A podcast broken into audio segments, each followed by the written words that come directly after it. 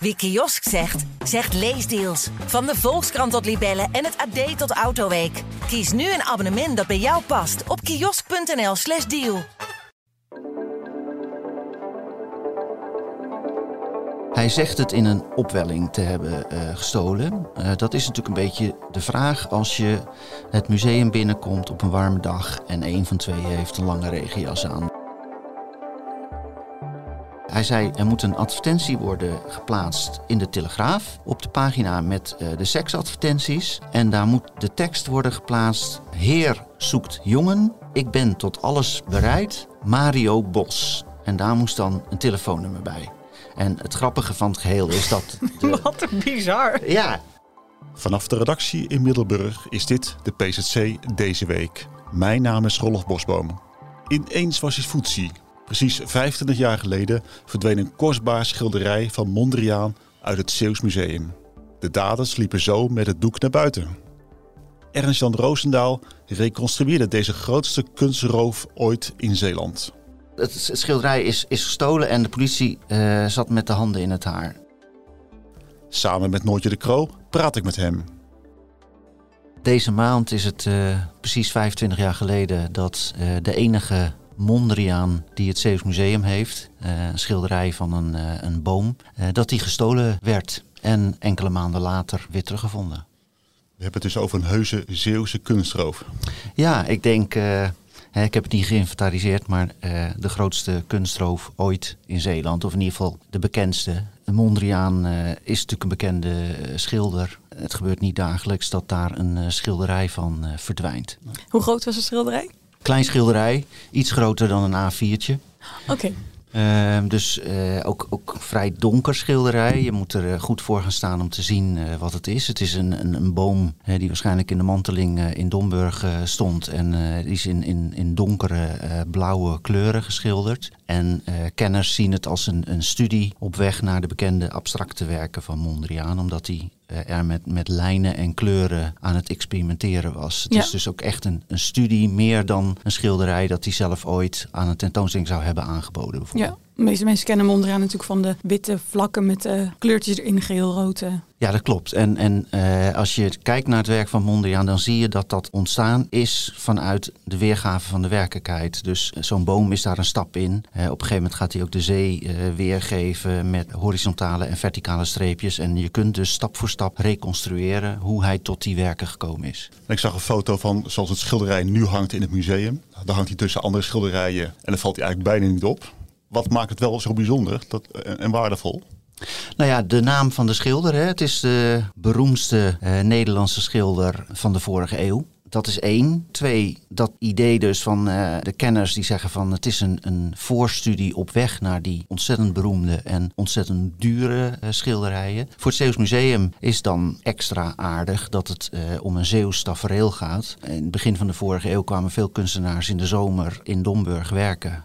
Mondriaan was er daar één van. En daar heeft hij dus door Zeeland geïnspireerde werken gemaakt. En een beetje flauw om meteen te vragen hoor, maar wat is het schilderij waard? Nou ja, wat het nu waard is, dat zou ik niet weten. Maar het is in 1994 eh, is het aangekocht door het Zeeuws Museum. Met de hulp van de provincie en, eh, en de Rembrandtvereniging. En toen kostte het 260.000 gulden. Ja, ik denk al vrij snel daarna dat het in waarde gestegen is. Maar ik durf echt niet te zeggen wat het nu in euro's waard zou zijn. Het is nog geen Victory Boogie Woogie die destijds voor tientallen miljoenen volgens mij... eh, Ja, dat klopt. En, en, en dat is ook, Ook van denk ik Mondriaan niet... toch? ja, precies. Ja, en dat is denk ik ook niet helemaal los te zien van de diefstal. Want het schilderij is dus in 1998 eh, gestolen, eh, in september. En er was die zomer nogal veel commotie, met name in, eh, in politiek Den Haag, over het feit dat de Nederlandse bank die Victory Boogie Woogie, een van de laatste werken van Mondriaan, had aangekocht voor 82 miljoen gulden. Dat is ook echt niet normaal.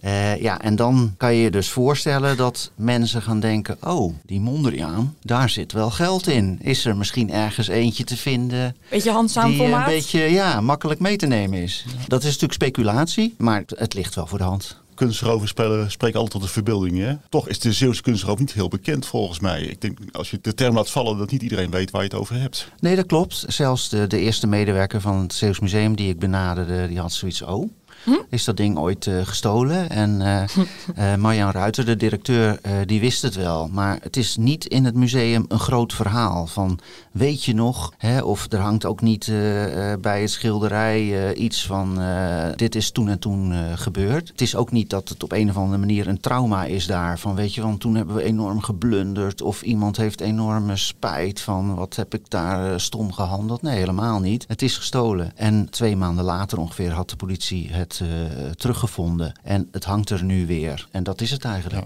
En er hangen nu ook niet van die laserstralen voor om het eh, extra te beschermen. Nou, in ieder geval geen laserstralen. Eh, kijk, de, een, een- museum zegt nooit zo heel veel over de beveiliging. Maar uiteraard, eh 25 jaar later zijn de kunstwerken in het Zeeuws Museum beter beveiligd dan toen. Maar ook toen was er eigenlijk ook niet zoveel mis. In tegenstelling tot wat wij zelf in de krant wel hebben geschreven. En wat bijvoorbeeld door de advocaten van de verdachte in de rechtbank ook is beweerd. Dat de beveiliging in het Zeeuws Museum knullig was. Dat kan je ook wel voorstellen. Iemand is met het schilderij onder haar regenjas naar buiten gelopen. Dus dan denk je, nou, knulliger kan het niet, hè? Maar schilderij was, of de lijst van het schilderij was aan de wand bevestigd eh, met een hangslot. En de beveiliging van het museum voldeed gewoon aan alle eisen die de verzekeraar stelde. Eh, dus dan kun je misschien nu wel zeggen van ja, destijds waren dat misschien wel heel summiere eisen. Maar het museum heeft gewoon zijn werk gedaan. Ja. En als je per se wil, dan lukt het je gewoon om dat ding mee te nemen. Maar hoe is het precies gegaan? Er is iemand gewoon dus, die is gewoon dat museum binnengestapt en toen? Het, het schilderij is, is gestolen en de politie eh, zat met de handen in het haar. Want in eerste instantie was het niet eens duidelijk... is het schilderij op een donderdag, een vrijdag of een zaterdag ontvreemd. Maar je, ziet- je Hè? ziet wel dat de schilderij weg is. Of niet? Nou ja, de, de, de suppost maakt zijn ronde en het schilderij is uit de lijst gehaald. Dus de lijst hing nog. En eh, die, die hing een beetje in een donkere hoek. Dus je kunt je voorstellen dat je bij een ronde door die zaal loopt en eh, even snel om je heen kijkt als suppost. Die lijst hangt er en je loopt door.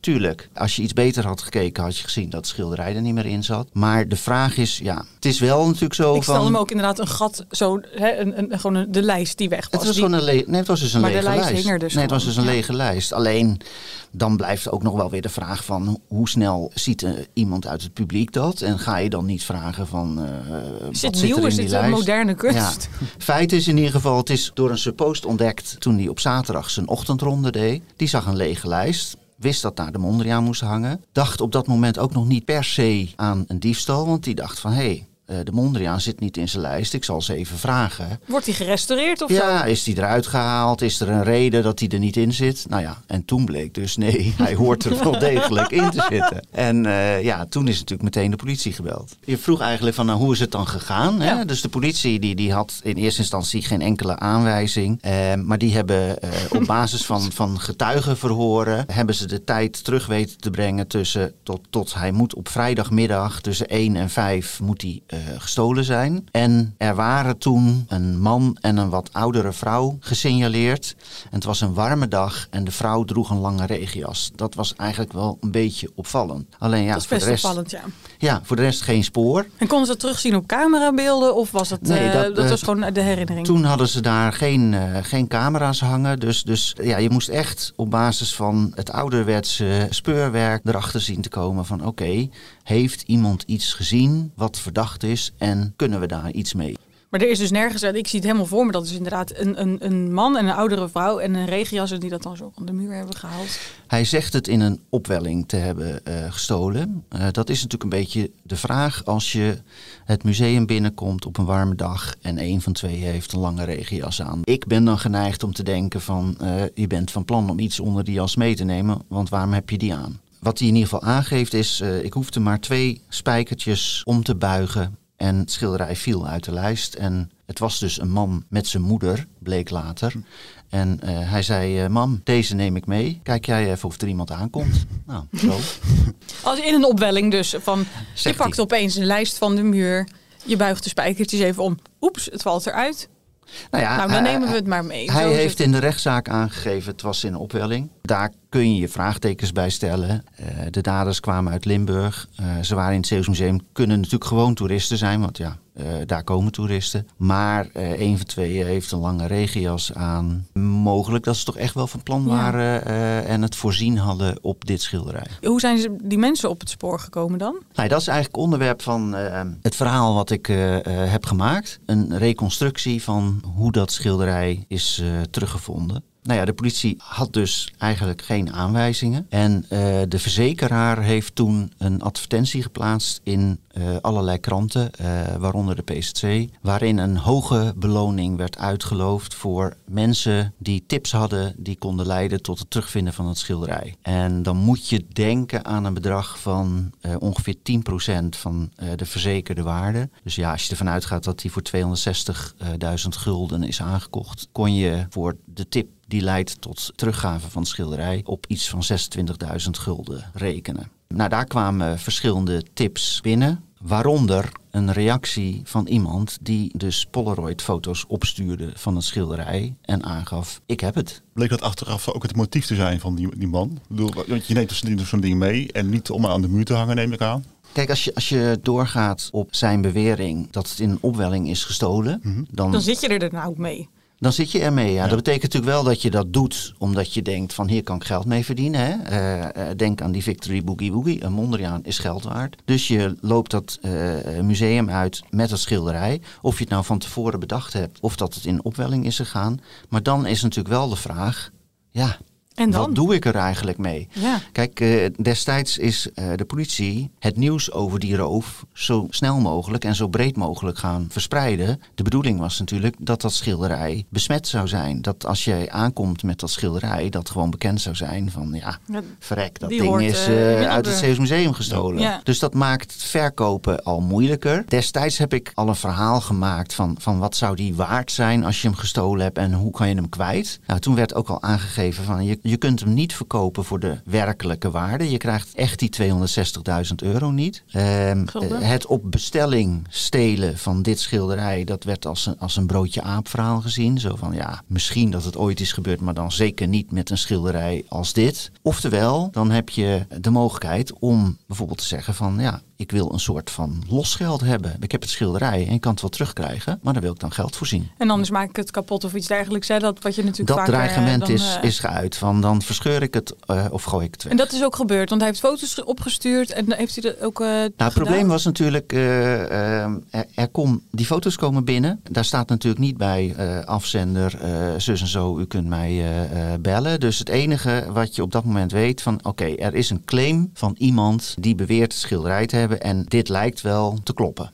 Dan is het vervolgens wachten tot diegene contact opneemt. Het dreigement was, als je de politie erbij haalt, dan verscheur ik het schilderij en gooi ik het weg. Het dreigement aan, aan wie? aan de vertegenwoordiger van eh, de verzekeringsmaatschappij, een kunstexpert. Ja. Ja, die heeft wel degelijk de politie er me- me- meteen bij gehaald. Dat, dat ben je trouwens ook verplicht. En de politie heeft een, een bandrecorder eh, verbonden aan zijn telefoon. Zo van, ja, alle telefoontjes die binnenkomen nemen we op. En als hij daartussen zit, dan kunnen we meeluisteren. En het is dus dan op dat moment nog niet zo dat er meteen gekeken kan worden van wie belt er met welk nummer. Maar ook dat deden ze wel degelijk, want ze wilden natuurlijk achterhalen van als dat telefoontje binnenkomt, waar vandaan wordt er dan gebeld. Nou, de man meldt zich en wil dus eigenlijk in onderhandeling over van, nou ja, ik lever dat schilderij. Jullie moeten mij 50.000 Duitse marken ervoor betalen. Nou, dan is de eerste vraag is, ja, bewijs maar eens echt dat je het schilderij hebt. Want we hebben die Polaroid-foto's wel gezien. Maar wij willen graag nieuwe foto's zien met een recente krant erbij. Dat je gewoon kan laten Oh ja, zien van, de- eh, ja, hè, de krant van gisteren. Hier zijn de foto's. Dat is natuurlijk ook mede bedoeld om in contact te blijven met zo'n dader. En te kijken van ja, die, die foto's moeten ook weer afgeleverd worden. Maar goed, de man wilde dus ook goed kunnen communiceren met iemand. Dus die wilde eigenlijk een telefoonnummer hebben dat hij kon bellen. In plaats van dat hij zei van geef mij nu, of als ik morgen bel, een telefoonnummer wat ik voortaan kan bellen. Kwam hij met een vrij bizarre opdracht. Hij zei er moet een advertentie worden geplaatst in de Telegraaf. Op de pagina met eh, de seksadvertenties. En daar moet de tekst worden geplaatst. Heer zoekt jongen. Ik ben tot alles bereid. Mario Bos. En daar moest dan een telefoonnummer bij. En het grappige van het geheel is dat. De, Wat een bizar. ja, En het, het- dus dat is vrij omslachtig natuurlijk als je gewoon een telefoonnummer wil hebben. Maar goed, het grappige is ook dan nog eens een keer dat de achternaam van de Zeeuwse eh, rechercheur die het onderzoek leidde, was was ook Bos. Dus eh, die heette dan niet Mario, maar die heette Frans Bos. Maar goed, dan kon die man, later bleek dat dus ook de dief te zijn, kon Ja. dat natuurlijk niet weten. Nou, dat klinkt als een soort grote grap. Dat Nou je ja. er inderdaad zo, dat je denkt van, ik, dat je er een spelletje mee speelt. Ja, sterker nog, er was daarvoor al een grap uitgehaald. Want vlak na de eh, verdwijning van eh, de Mondriaan meldde zich een actiegroep De Boze Waterlanders. Niemand kende die actiegroep. Die eh, heel erg kritisch was op de, de cijfers van Schiphol en de, en de bouw van de, van de Betuwe-lijn. en die beweerde via weer een journalistencollectief dat ook nogal schimmig was, dat ze die Mondriaan hadden ontvoerd. Dan zie je dus, we hadden het erover dat hij niet met lijsten al van het haakje is gehaald. Dat kon ook niet, want hij zat vast. Hij is uit de lijst gehaald. Maar dat is toen niet gecommuniceerd naar het grote publiek. En die boze waterlanders zeiden, nou, het was echt eh, appeltje-eitje. We hebben hem van de haakjes gepakt, in een envelop geschoven en eh, meegenomen. Ja, dat klopte dus, niet. toen werd eigenlijk duidelijk van, ja, dit is een valse claim. Ja. Ja, dan krijg je de volgende die dus zegt eh, plaats eh, zo'n advertentie. Dan denk je ook van ja, w- wat zit daarachter? Is dat eh, een practical joke? Want wat was er gebeurd? De politie had een infiltrant ingezet. Dus de dief dacht met de verzekeraar te bellen, maar hij belde met de politie, want er zat een politie-infiltrant. Die had dat telefoonnummer. maar werd je dus kunt je voorstellen wat er gebeurt. Ja, Ja. Die werd dus echt plat gebeld door mensen met de meest funzige voorstellen. Tot er eindelijk eens een keer iemand belde. En die begon eh, niet over eh, jongetjes of wat dan ook. Maar over ik heb dat schilderij van Mondriaan. Als je zo'n scenario in een boek schrijft, dan denk je van ja, dat kan wel iets, minder, iets minder ongeloofwaardig. Maar Ja. dit gebeurt gewoon, gewoon echt. Ja, dit is dus echt op deze manier gebeurd. En, en nogmaals, als je er goed over nadenkt, denk je van het is wel heel omslachtig. maar goed, eh, daarmee had de, de, de Heb jij dan dader- ook degene gesproken die dan die telefoon steeds moest... eh, Nee, eh, ik heb eh, de, de, die Zeeuwse politiechef eh, gesproken. Daar, daaromheen is het best moeilijk, of voor mij was het in ieder geval best moeilijk om mensen te achterhalen. Het is wel zo dat eh, Frans Bos, die had gewoon het leeuwendeel van het verhaal, kon die gewoon vertellen. Hij had ook de procesverbaal, eh, eh, had hij nog. Kijk, idealiter was ik graag bij de dader zelf uitgekomen als het ware. Hè. Stel je voor dat eh, iemand 25 jaar na dato dat hij wil, wil praten. Nou ja, goed, dat is niet eh, gelukt. Maar dan kun je in ieder geval dat soort vragen stellen. Van waarom moest dat zo omslachtig? Of hoe kwam je op het idee? Nou goed, dus er zit veel speculatie in het waarom, maar niet in wat is er gebeurd. Want dit is daadwerkelijk gebeurd. En de advertentie is gewoon terug te vinden in de Telegraaf. Wat was er dus op dat moment aan de hand? De dader had een telefoonnummer waar hij naar kon bellen. En de politie had contact met de dader, maar was veroordeeld tot afwachten. Want ja, ze konden niet zelf contact eh, met hem opnemen. Waar ze wel achter kwamen was dat die telefoontjes van de dader, dat die steeds kwamen van een, eh, vanuit een telefooncel in Oost-Brabant of Limburg. Dus ze wisten van, ja, in die regio eh, zit hij. Nou, zij hadden dus die vraag gesteld van, ja, bewijs eerst maar eens dat je hem hebt. Hè, we willen nieuwe foto's hebben met een eh, krant erbij. En eh, de dader eh, gaf aan, nou dat is goed. Ik lever ze af in een wegrestaurant tussen Bergen op Zoom en Eindhoven. Er Ook- zijn er nogal wat, volgens mij. Exact, exact. en hè, of hij daar dus ook een tijdstip bij heeft genoemd, uiteraard niet van ik ga dat vanavond om zeven uur doen, want zo dom is hij ook niet. Maar wel van ik, ik leverde ze af in een, in een wegrestaurant. Dus wat deed de politie? Die ging posten bij alle wegrestaurants tussen eh Bergen op Zoom en Eindhoven. Dat is op zich nog wel overzichtelijk hoor. Maar goed, je hebt wel wat mankracht voor nodig. Want ze dachten van ja, eh, op enig moment eh, komt er iemand naar de balie, hopen we, die daar een envelop afgeeft. En dat is dan degene die we moeten volgen. Maar Ja. er kwam helemaal niemand bij de balie. Wat er gebeurde was dat bij de kunstexpert, die dus bij dat geheel betrokken was, dus dat andere vaste telefoonnummer, wat die dader ook had, daar belde hij naartoe. En die zei van je moet nu even achter de achterwielen van je auto kijken. Dus die man loopt naar buiten en daar ligt de envelop met de gevraagde foto's. Dus ja, zo stom was die man natuurlijk ook niet dat hij dacht ik breng ze bij een wegrestaurant. En eh, tegelijkertijd heeft Dus het ook wel iets intimiderends natuurlijk. Dat die, dat die kunstexpert denkt van shit, eh, hij heeft wel eh, op mijn oprit En dat was gewoon bij die man thuis dus. Ja. Hmm. Ook daar kun je weer de vraag stellen van waarom zou je iets afleveren bij een eh, wegrestaurant als je gewoon die foto's in een envelop kan doen, dichtplakken, postzegel erop, eh, politie, Middelburg, klaar. Oh nee, niet de politie dan, want hij dacht dat hij met de verzekeraar praatte. Dus het heeft opnieuw iets omslachtigs, maar wel heeft de dader natuurlijk goed nagedacht van ik moet het zo doen dat ze me niet pakken. Ja. Maar hoe dan ook, ze weten dan, we hebben echt te maken met iemand die het schilderij in bezit heeft. En de politie dacht op basis van de contacten en wat ze moesten doen, ook te maken te hebben met een bende. Met eh, toch echt wel een professionele bende. En hoe hebben ze hem dan uiteindelijk toch kunnen pakken? Nou ja, die man wilde dus die 50.000 mark eh, hebben. En die stelde voor. Ja, goed. mark, eh, m- misschien makkelijk als je uit Limburg komt om, eh, om te wisselen eh, over de grens. Ja, eh, hij wilde 50.000 mark. Dus ook dan krijg je weer, de politie moet dat geld contant opnemen. Niet omdat ze het echt van plan waren om het te overhandigen, maar als toongeld. Ze moesten natuurlijk kunnen laten zien van hier, kijk eens, we hebben een koffer en daar zit die 50.000 mark in. En zijn eis was, dat geld moet uit een rijdende trein gegooid worden. Ergens. Als iemand die te veel boeken en films Ja, heeft gezien. ergens tussen Roosendaal en Maastricht. Nou kijk, daar wilde hij dat telefoonnummer natuurlijk voor hebben van die infiltrant. Want het idee was, de infiltrant zit met een koffertje met 50.000 euro in de trein. Hij is bij wijze van spreken in de buurt van Tilburg. De telefoon gaat. Nu moet je het koffertje uit de trein gooien. En dan zou op het eerstvolgende station zou het schilderij staan. Nou, de politie was helemaal niet van plan om dat geld ooit uit de trein te gooien. Maar die gingen wel mee in de gedachtegang. In de hoop natuurlijk om de daders eh, te pakken.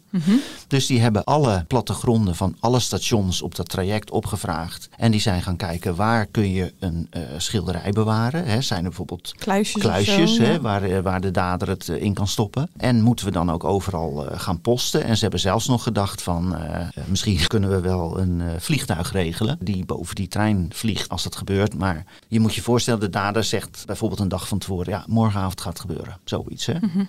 Nou, dat was allemaal onhaalbaar. En de politie wilde dit ook helemaal niet. Waarschijnlijk hebben ze gezegd van ja, eh, ingewikkeld, ingewikkeld. En de man kondigt op een gegeven moment aan, morgenavond bel ik met nieuwe instructies. Dat is het moment dat ze zeggen: Oké, we weten dat hij uit een telefooncel in Oost-Brabant of Limburg belt. We weten nu ongeveer wanneer hij van plan is te bellen. Wij gaan al die telefooncellen in de gaten houden.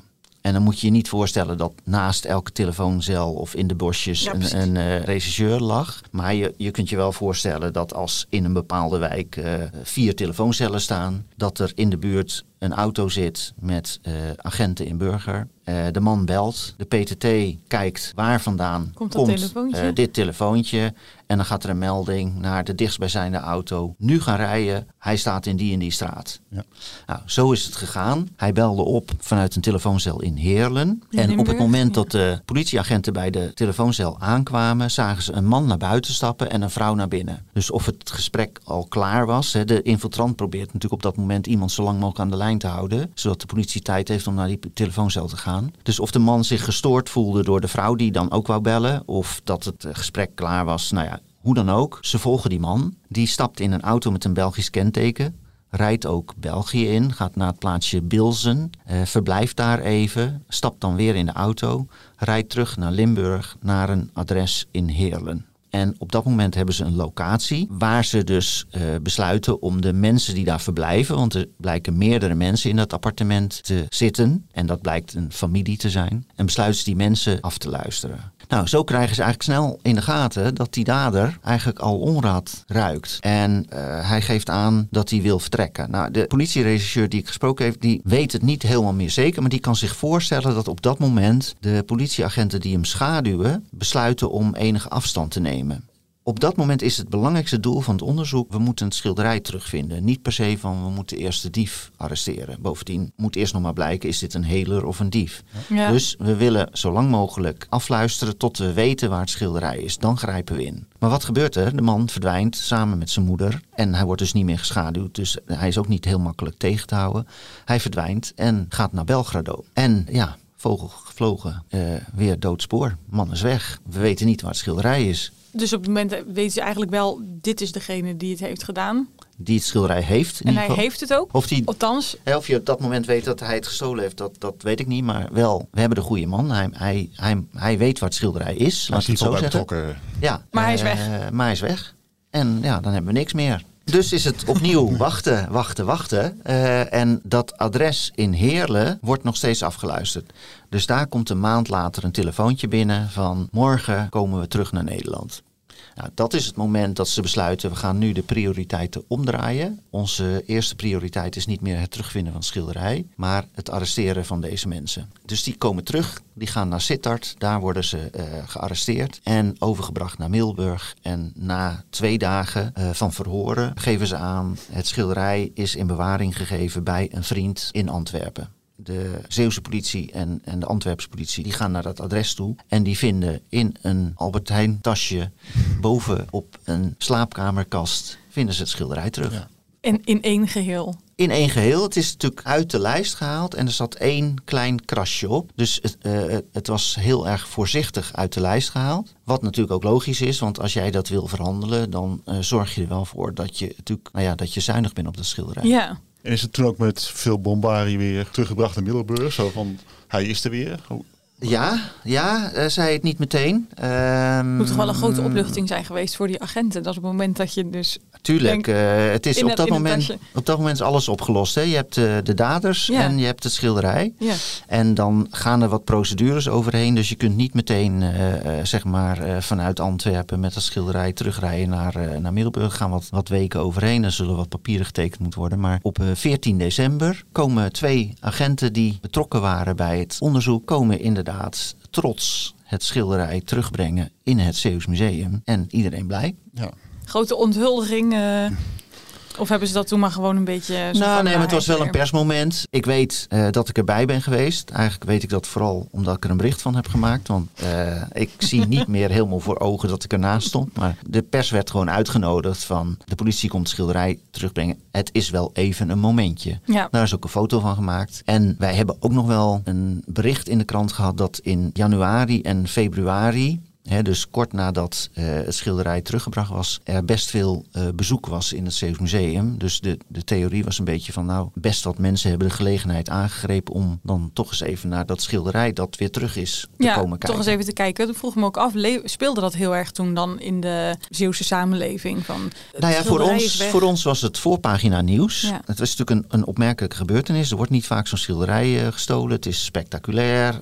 het wordt teruggevonden. Dus voor ons was het voorpagina nieuws. Uh, maar wat we aan het begin van dit gesprek eigenlijk al zeiden, dat is wel een beetje weggeëpt. Want ik denk dat heel veel Zeeuwen helemaal niet weten dat die kunstroof ooit heeft plaatsgevonden. En daarom is het ook leuk om 25 jaar na dato dat geheel nog eens te kunnen reconstrueren. En dan feiten toe te kunnen voegen die je toen natuurlijk niet kreeg. Toen kreeg je niet uh, de exacte details van zo hebben we het teruggevonden. Hè. De rechtszaak moest nog plaatsvinden. En nu. Al die bizarre je, details die, ja, je nu, uh, die je nu kan vertellen. Precies, nu heb je de moeilijkheid dat dat natuurlijk niet iedereen er nog is die het heeft meegemaakt. Ook niet iedereen er prijs op stelt om het verhaal te vertellen, maar een aantal mensen wel.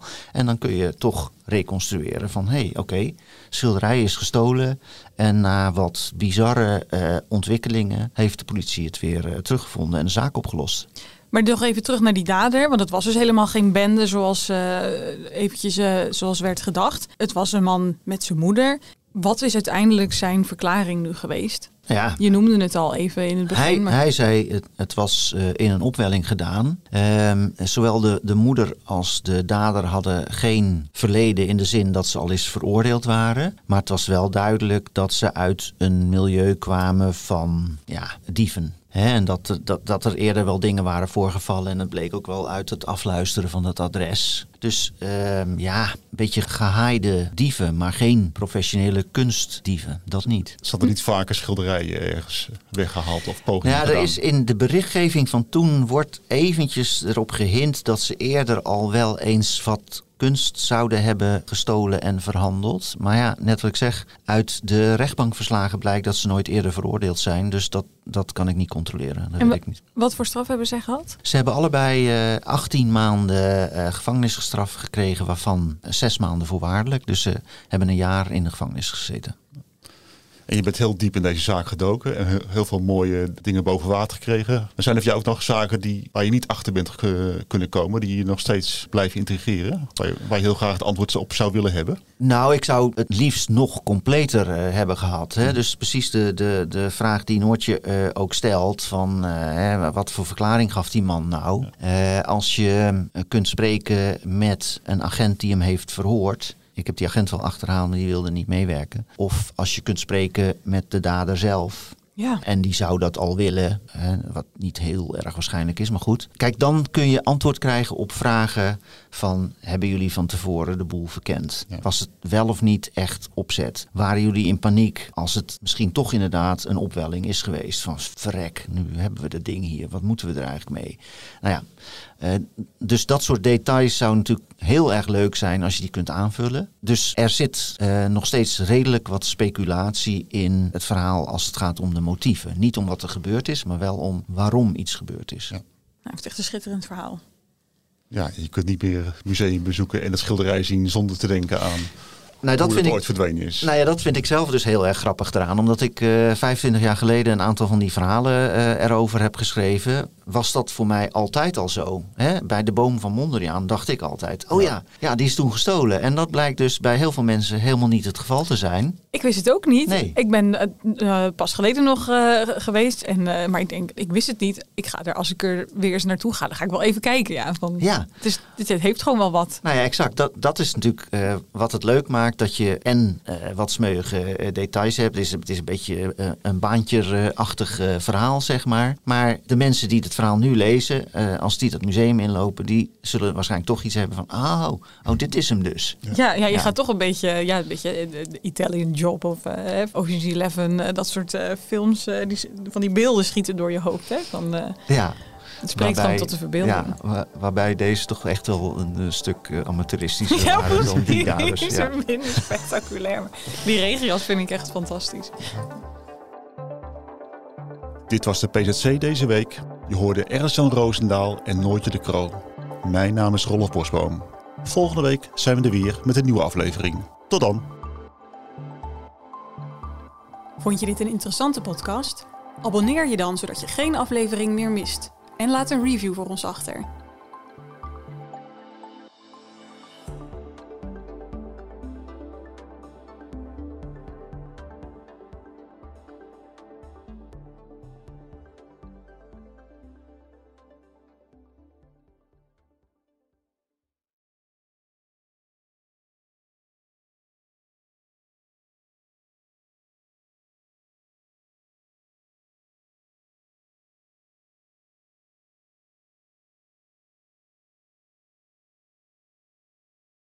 Wie kiosk zegt, zegt leesdeals. Van de Volkskrant tot Libellen en het AD tot Autoweek. Kies nu een abonnement dat bij jou past op kiosk.nl/slash deal.